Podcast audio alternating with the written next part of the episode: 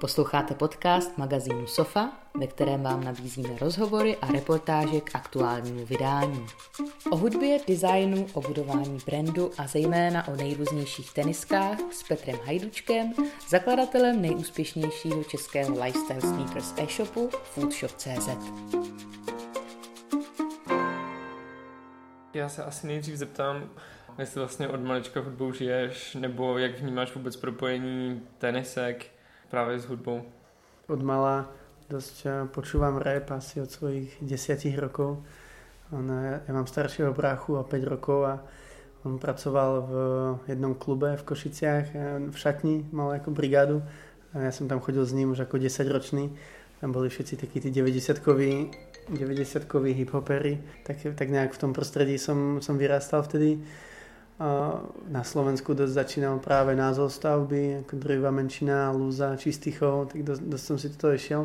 A od tej doby ma to v podstate neopustilo, že stále mám rád rap, stále počúvam hlavne hip-hop a, a hudba je stále veľmi dôležitá. Ja mám doma taký Bluetooth reprák a keď ja sa ráno zobudím, tak prvé, čo spravíme, že sa cez mobil k tomu konektnem, pustím hudbu a už vyliezam z postele, tak hudba už hrá a už ako to má nejaký mood. Takže ticho nemám rád a, a s hudbou žijem denodenne. Mm-hmm, takže dá se říct, že třeba tě ta hudba inspiruje. Vlastně Sofa je založená i na tom konceptu nějakého slow living a relaxace, tak jestli s tímhle uh, máš právě hudbu spojenou? Ja hudbu nemám spojenú až tak s relaxáciou vlastne. Mňa hudba dosť um, nielen inšpiruje, ale myslím, že ako dieťa ma dosť formovala a vychovávala. Vieš, že a ten rap e, v 2000, 2100 a okolo tohto roku, tak to bolo dosť o nejakých ako témach vlastne, čo, so, čo s tým životom, kam sa posunieš, aká je tá spoločnosť. Mm-hmm. No, takže ja som denodenne mal v ušiach, v ušiach e, človek kamenom čistýchov a tie jeho názory vlastne tak nejak uh, ma výrazne ovplyvnili. A, a v podstate dodnes mám rád uh, hudbu, ktorá má názor, ktorá niečo vyjadruje a vlastně se viac soustředím na ty texty, než, než na hudbu. Mm-hmm, dobře. A co se teda týče propojení, uh, jak vnímáš hudbu ve vztahu s uh, obuví a hmm. vůbec jako s teniskama?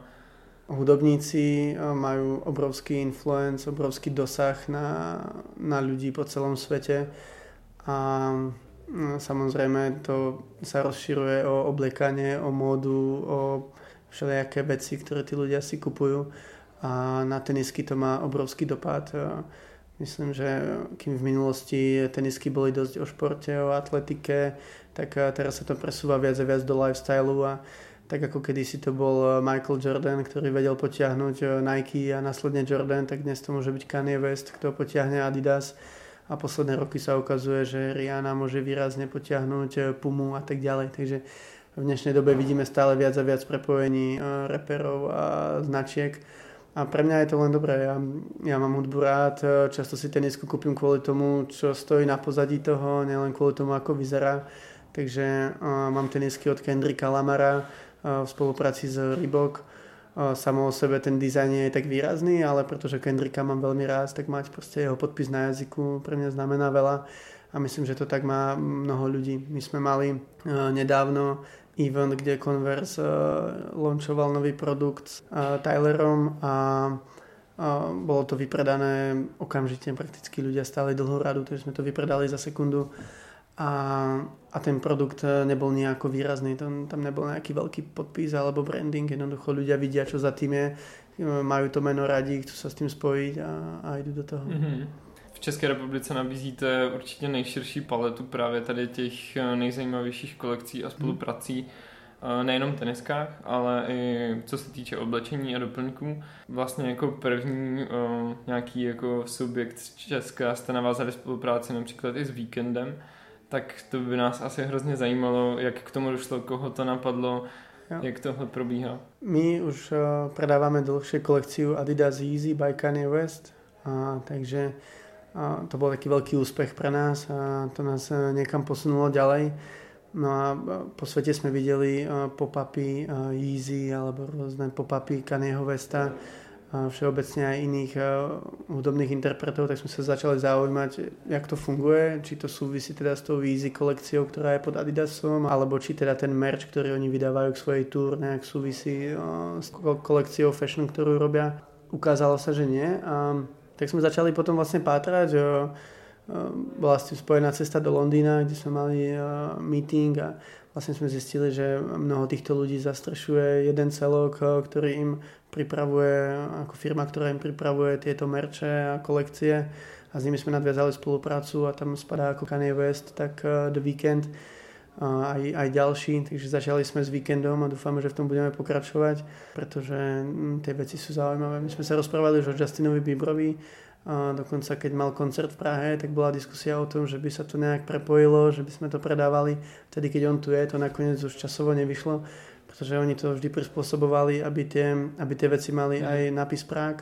Takže už sme to nestihli, tak sme začali s víkendom a chceme v tomto pokračovať určitě. Mm-hmm. Rádi spolupracujete taky s českým designem, například s La Formelou. Tady by nás možná zajímal tvůj vztah k českému designu, nebo jaká je vůbec spolupráce s českými designéry, jestli vlastně třeba ty kolekce stejně dobře fungují jako spolupráce se světoznámými ikonami. Za tie tri roky, odkedy máme aj kamenný obchod, sme spoznali mnoho zaujímavých ľudí. Medzi nich patria aj ľudia z La Formely. A, a proste, keď sa stretnú dva kreatívne týmy, tak niečo z toho vznikne. A tak toto bolo aj s kolekciou z La Formela Food kde oni vnímajú Food vedeli s kým pracujeme, akých máme zákazníkov, o čo sa snažíme. My sme poznali La Formelu, dávalo nám to zmysel obom stranám, tak sme sa do toho pustili. Či sa to predáva tak ako zahraničné kolekcie? Nie, je s tým o mnoho viac práce. My sme celkom odvážne nastavili tú cenovku La Formely, pretože tie veci sú veľmi kvalitné, vlastne sú veľmi lokálne vyrábané a je to, ten náklad je neporovnateľne vyšší oproti veľkým značkám, ktoré sa to vyrobia niekde v Ázii. Takže sa to premietlo aj do tej ceny a my sme si povedali, že sa nebudeme ponáhľať za tým, aby to bolo vypredané za jeden deň. Dnes je to taký trend, akože všetko musí byť i hneď preč a sme povedali, nie, poďme spraviť kvalitné veci, niečo ako to robí Adidas, Raf Simons alebo Wi-Free. Sú značky, ktoré majú svoju cenovku, mm, ľudia na to nestoja rady, ale vždy sa to nejak predá. Tam my sme si to podobne nastavili s La Formelou, že nám nevadí, ak sa to nevypredá za týždeň alebo za deň.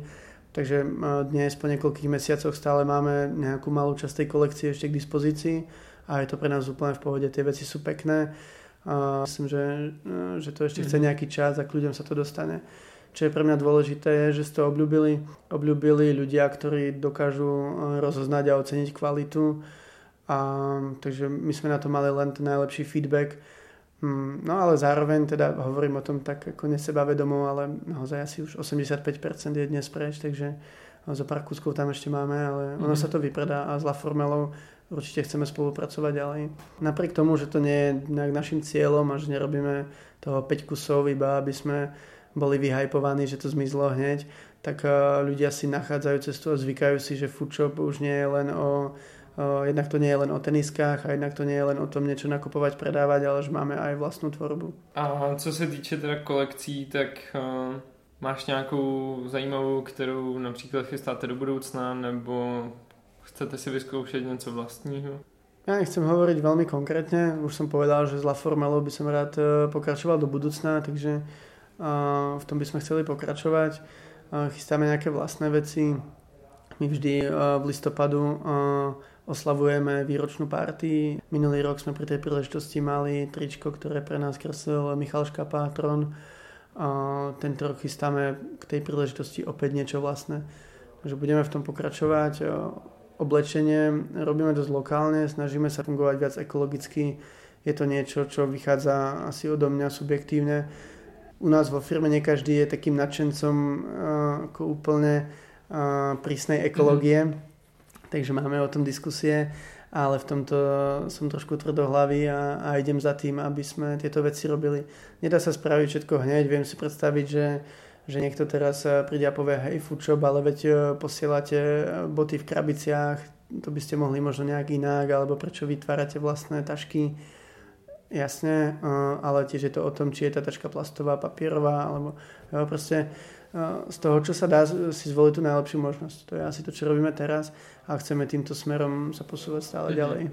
Poslední otázka ke každé vaší nové kolekci nebo uh, jinému nápadu se vždycky váží nějaký event speciální. Uh, stejně tak vlastně jako náš magazín uh, začal v onlineu, tak se postupně přesunul do offlineu, protože jsme přišli na to, že lidi si chtějí šáhnout na, na ten papír a chtějí si to číst, nejenom v té online verzi. Ty si postupem času z e-shopu vyvinul také prodejnu tady v Praze, tak by mě zajímalo, proč je to pro vás důležité a jakou to má asi roli v rámci vašeho marketingu. Ja si myslím, že online je, je úžasná vec, ktorá sa prihodila tomuto svetu a ja som veľkým fanúšikom e-commerce a určite chcem eh, v tomto pokračovať. Ale my, kým sme nemali kamenný obchod, um, tak sme síce nejak existovali, ale to nie je skutočný vzťah. Skutočný vzťah uh, vznikne, vznikne v, v reálnom svete pri nejakom stretnutí. My sme pôvodne uvažovali, že budeme sponzorovať nejaké skateové závody, skúšali sme podporovať hudobné koncerty a podobne, ale vždy to bolo také nejaké plitké, že to tak prebehlo, my sme dali nejaké peniaze, niekto tam dal náš banner, nejakým spôsobom ma to nenaplňalo a vravil som si, poďme spraviť miesto také, aby to kultúrne dianie sa mohlo odohrávať u, u nás v obchode. Tak sme spravili obchod, ktorého koncept bol dosť odvážny na mieste, kde nebol nejaký trafík, s dizajnom, ktorý nebol úplne vedený k tomu, aby tam človek utratil veľa peňazí, ale naopak zase ten priestor bol prispôsobený veľmi dobré akciám a je do dnes. A myslím si, že to, že to zahráva veľkú rolu no, v tom, kde sme dnes. Začali sa na nás ináč pozerať zákazníci, dodávateľia a vzniklo mnoho priateľstiev.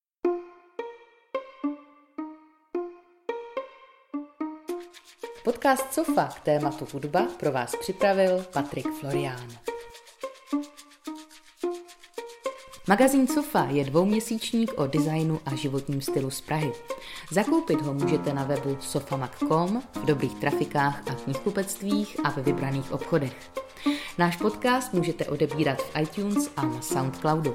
Najdete nás na Instagramu, Twitteru nebo Facebooku a osobně se s námi můžete setkat na našich workshopech nebo na festivalech, veletrzích a přehlídkách designu.